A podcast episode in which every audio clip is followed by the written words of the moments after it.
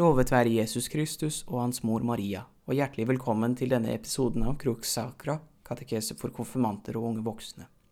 I forrige episode snakket vi om ordinasjonssakrament, og i dag skal vi ta for oss det syvende av de syv sakramenter, ekteskapets sakrament. Kallet til prestestjeneste eller ordensliv er forbeholdt noen få. Det tjenestens sakrament som de fleste av de troende mottar, vil være ekteskapets sakrament.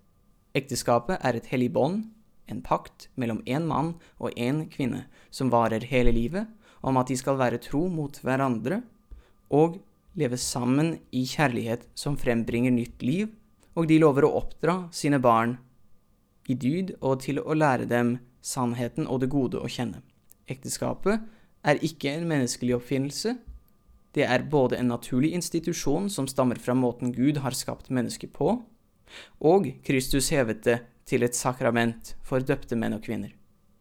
Som sakrament får ekteskapet en høyere betydning, at den fruktbare foreningen av mann og kone skal tjene til ektefellenes helliggjørelse og barnas oppdragelse i den katolske tro, så den kan føres videre og føre til familiens frelse.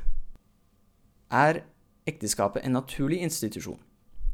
Ja, ekteskapet er naturlig.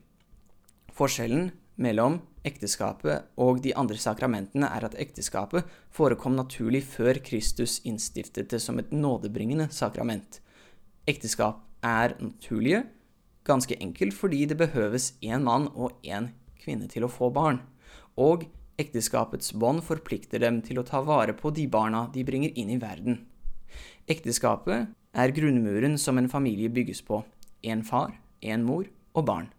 Gud innstiftet ekteskapet som naturlig institusjon da han skapte de første menneskene, Adam og Eva, en mann og en kvinne, og sa til dem, Vær fruktbare og bli mange. Første Mosebok, kapittel 1, vers 28. Hva er ekteskapet til for? Ekteskapet er til for 1 å frembringe og oppdra avkom, og to, ektefellenes gjensidige fysiske og moralske støtte. Menneskets seksuelle instinkt er naturlig og godt i seg selv, men må adlydes eller forhindres basert på naturretten, som fornuften og samvittigheten vitner om. Ekteskapet mellom mann og kvinne danner den eneste akseptable ramme som utøvelse av seksualiteten kan finne sted innenfor, fordi det er det eneste båndet som samsvarer med samleiets naturlige funksjon, nemlig unnfangelsen av nytt menneskeliv, og som tillater stabil og sikker oppvekst og utdannelse for de barn som mannen og kvinnen får og har ansvar for. Samleie og all utøvelse av de seksuelle instinkter er forbeholdt ekteskapet og må være rettet mot og åpent for nytt liv.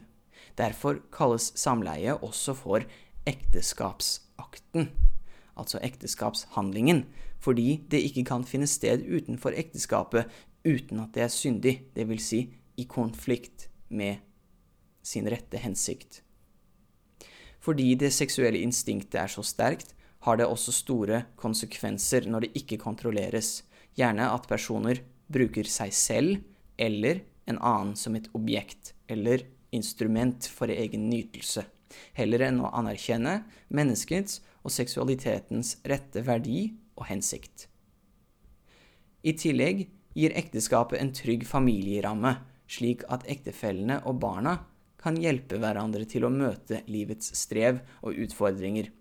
Ektefellene skal forsørge og forsvare hverandre, passe på hverandre når de blir eldre, og på sine barn så lenge de lever.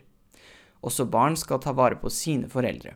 Utover den fysiske støtten og overlevelsen legger det gode ekteskap til rette for oppdragelse, framvekst i dydene og søken etter det sanne og det gode.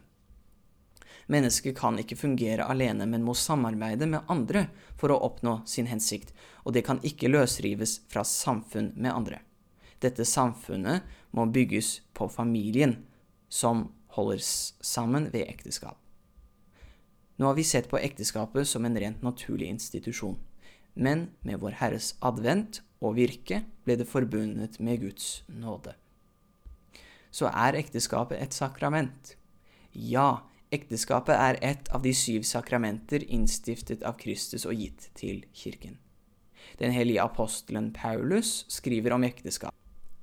Dette mysterium er stort. Jeg taler her om forholdet mellom Kristus og kirken.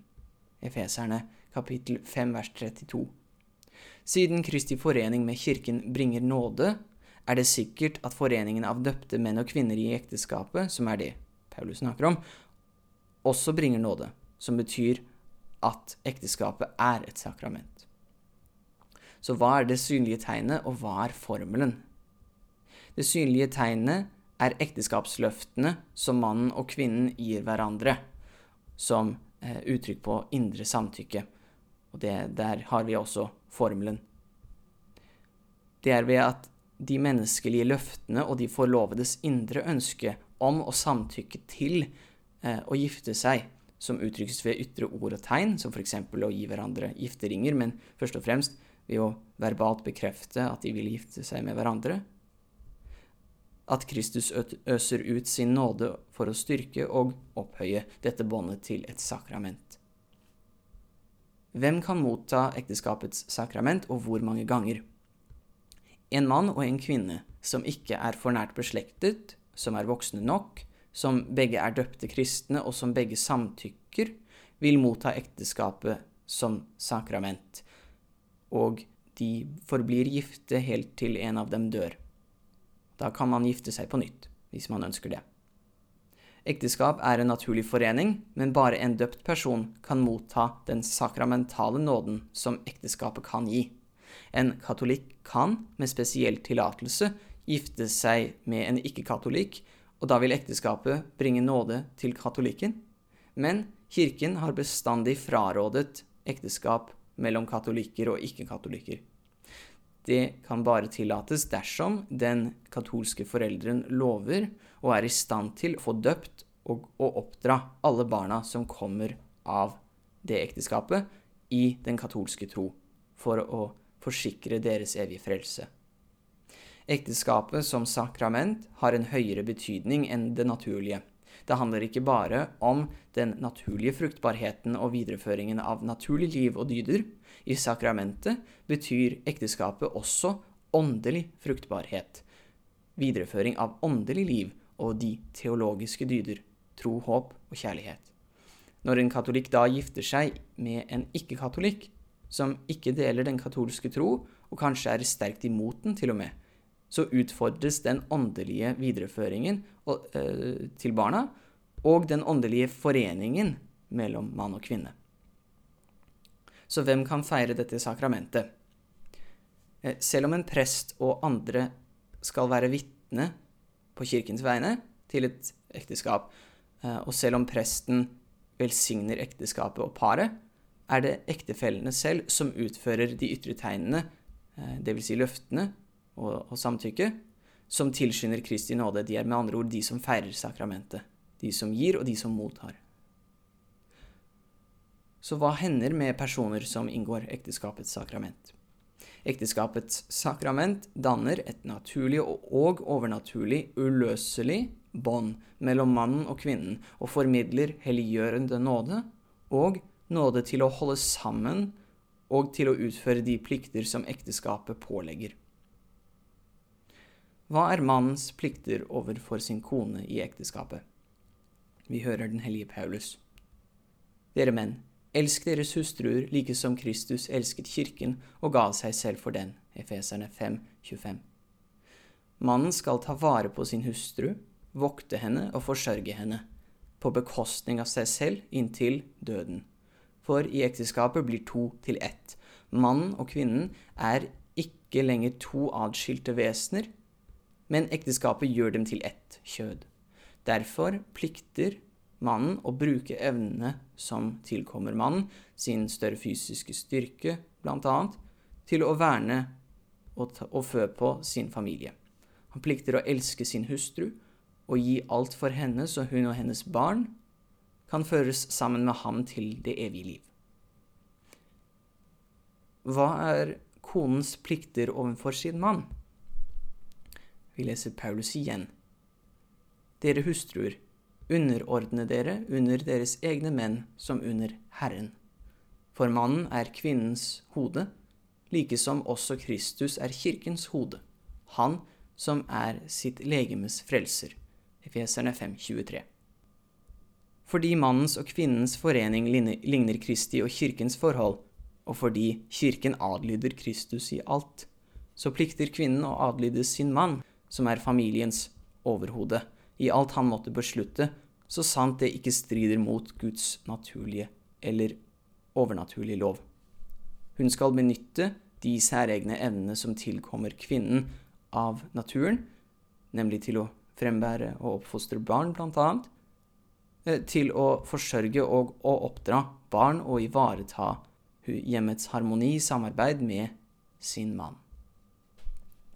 Kan ektefeller gå fra hverandre, dvs. Si å skille seg? Nei. Ekteskapets bånd er uløselig og kan ikke oppheves av noen makt på jord. Kirken gir av og til det som kalles annullasjon, men det er en bedømmelse om at, eh, om at det tilsynelatende ekteskapet aldri fant sted, at det ikke skjedde et ekteskap. Det er ikke at et gyldig ekteskap oppheves, for det har Kirken ikke makt til å gjøre. Vi siterer her eh, Matteus 19,6, hvor Jesus sier så er de ikke lenger to, men ett kjød. Derfor, det som Gud har sammenføyd, det skal et menneske ikke skille. Skilsmisse er en alvorlig synd mot kjærligheten, og spesielt i et katolsk ekteskap, hvor det er til skandale for andre troende, og et sakrilegium, dvs. Si en, en skjendelse, fordi det skjender et bånd etablert av Gud og viser mistillit mot Guds nåde, som bestandig er tilstrekkelig for å holde ethvert ekteskap mellom kristne intakt. Ektefellenes første plikt overfor hverandre er at de ikke skal bryte det løftet de gav om livslang troskap for sin egen skyld, og spesielt for sine barns skyld, som er de mest sårbare ofre for skilsmisse, da de ikke har noe valg i saken og blir såret av en grov forbrytelse mot naturen og mot Gud. Hva er foreldrenes plikter overfor sine barn? Her kan jeg referere dere til en tidligere episode vi hadde om de ti bud. Under det fjerde bud så snakker jeg en del om, om dette. Eh, foreldre plikter å beskytte og å bevare de barn de selv har brakt til verden, til å gi dem mat, klær, husly og nødvendige goder etter evne, men også å oppdra dem i dyd og i sann tro ved en god utdannelse. De plikter å elske dem og ivareta dem slik at de kan oppnå hva den gode Gud har utpekt for dem i dette liv, og så langt det lar seg gjøre, å føre dem inn på det evige livs vei. Hva er barnas plikter overfor sine foreldre? Barn plikter å adlyde foreldrene sine i alt, unntagen synd, så lenge de lever under deres tak. Etter at de er blitt myndige, skylder de dem fremdeles aktelse, respekt og heder, samt omsorg når foreldrene blir gamle og svake, slik at barna kan gjengjelde de tjenestene og den eh, forsørgelsen som de mottok da de var små fra sine foreldre videre om foreldre eh, og ektefeller. Kan ektefeller bruke prevensjon innad i et ekteskap? Svaret der er nei. Prevensjon hindrer samleiets naturlige virkning og grunn, som er å gi nytt liv. Prevensjon avbryter bevisst og på kunstig vis en forening som er til for å være fruktbar. Nytelsen som samleie medbringer, er en sekundær konsekvens, og når den adskilles fra den primære hensikten, som er nytt liv, blir det en syndig handling. Prevensjon er eh, en bevisst hindring av samleiets naturlige hensikt og konsekvens. Så videre kan foreldre ta abort, dvs. Si å ta livet av de ufødte barn i mors liv. Og her vil jeg henvise kort til det femte bud. Du skal ikke slå i hjel. Så Hvorfor er det viktig med en riktig forståelse av ekteskapet? Det er viktig med en riktig forståelse av ekteskapet fordi familien er samfunnets byggesten og grunnvoll, og ekteskapet er familiens prinsipp og utgangspunkt. Dersom et samfunn har en forvridd og unaturlig forståelse av ekteskapet, vil også familiene og samfunnet forvris og tiltrekkes mot det onde og til unaturlige ting, som vender dem bort fra Gud og sin virkelige hensikt. Der ordinasjonssakrament er grunnlaget for kirkens overlevelse og overnaturlige videreførelse, er ekteskapets sakrament grunnlaget for det sekulære samfunnets overlevelse og naturlige videreførelse. De geistliges åndelige sunnhet bestemmer hvor godt Guds overnaturlige lov formidles og observeres, mens de giftes åndelige sunnhet bestemmer hvor godt naturloven formidles og etterleves. Og med det takker jeg for at dere lyttet til denne episoden om ekteskapets sakrament. Jeg håper dere lytter til neste episode. Hva som Gud har føyd sammen, skal intet menneske skille. Amen. I Faderens og Sønnens og Den hellige ånds navn.